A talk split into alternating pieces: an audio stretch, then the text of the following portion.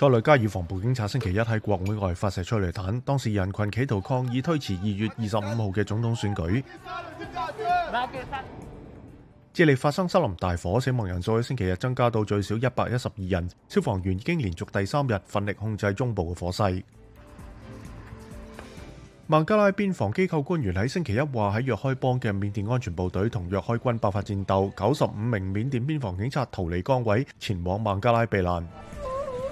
巴基斯坦呢个礼拜举行大选前嘅暴力事件增加，激进分子喺星期一黎明前袭击德拉班地区个警察局，最少十名警察死亡，另外有六人受伤。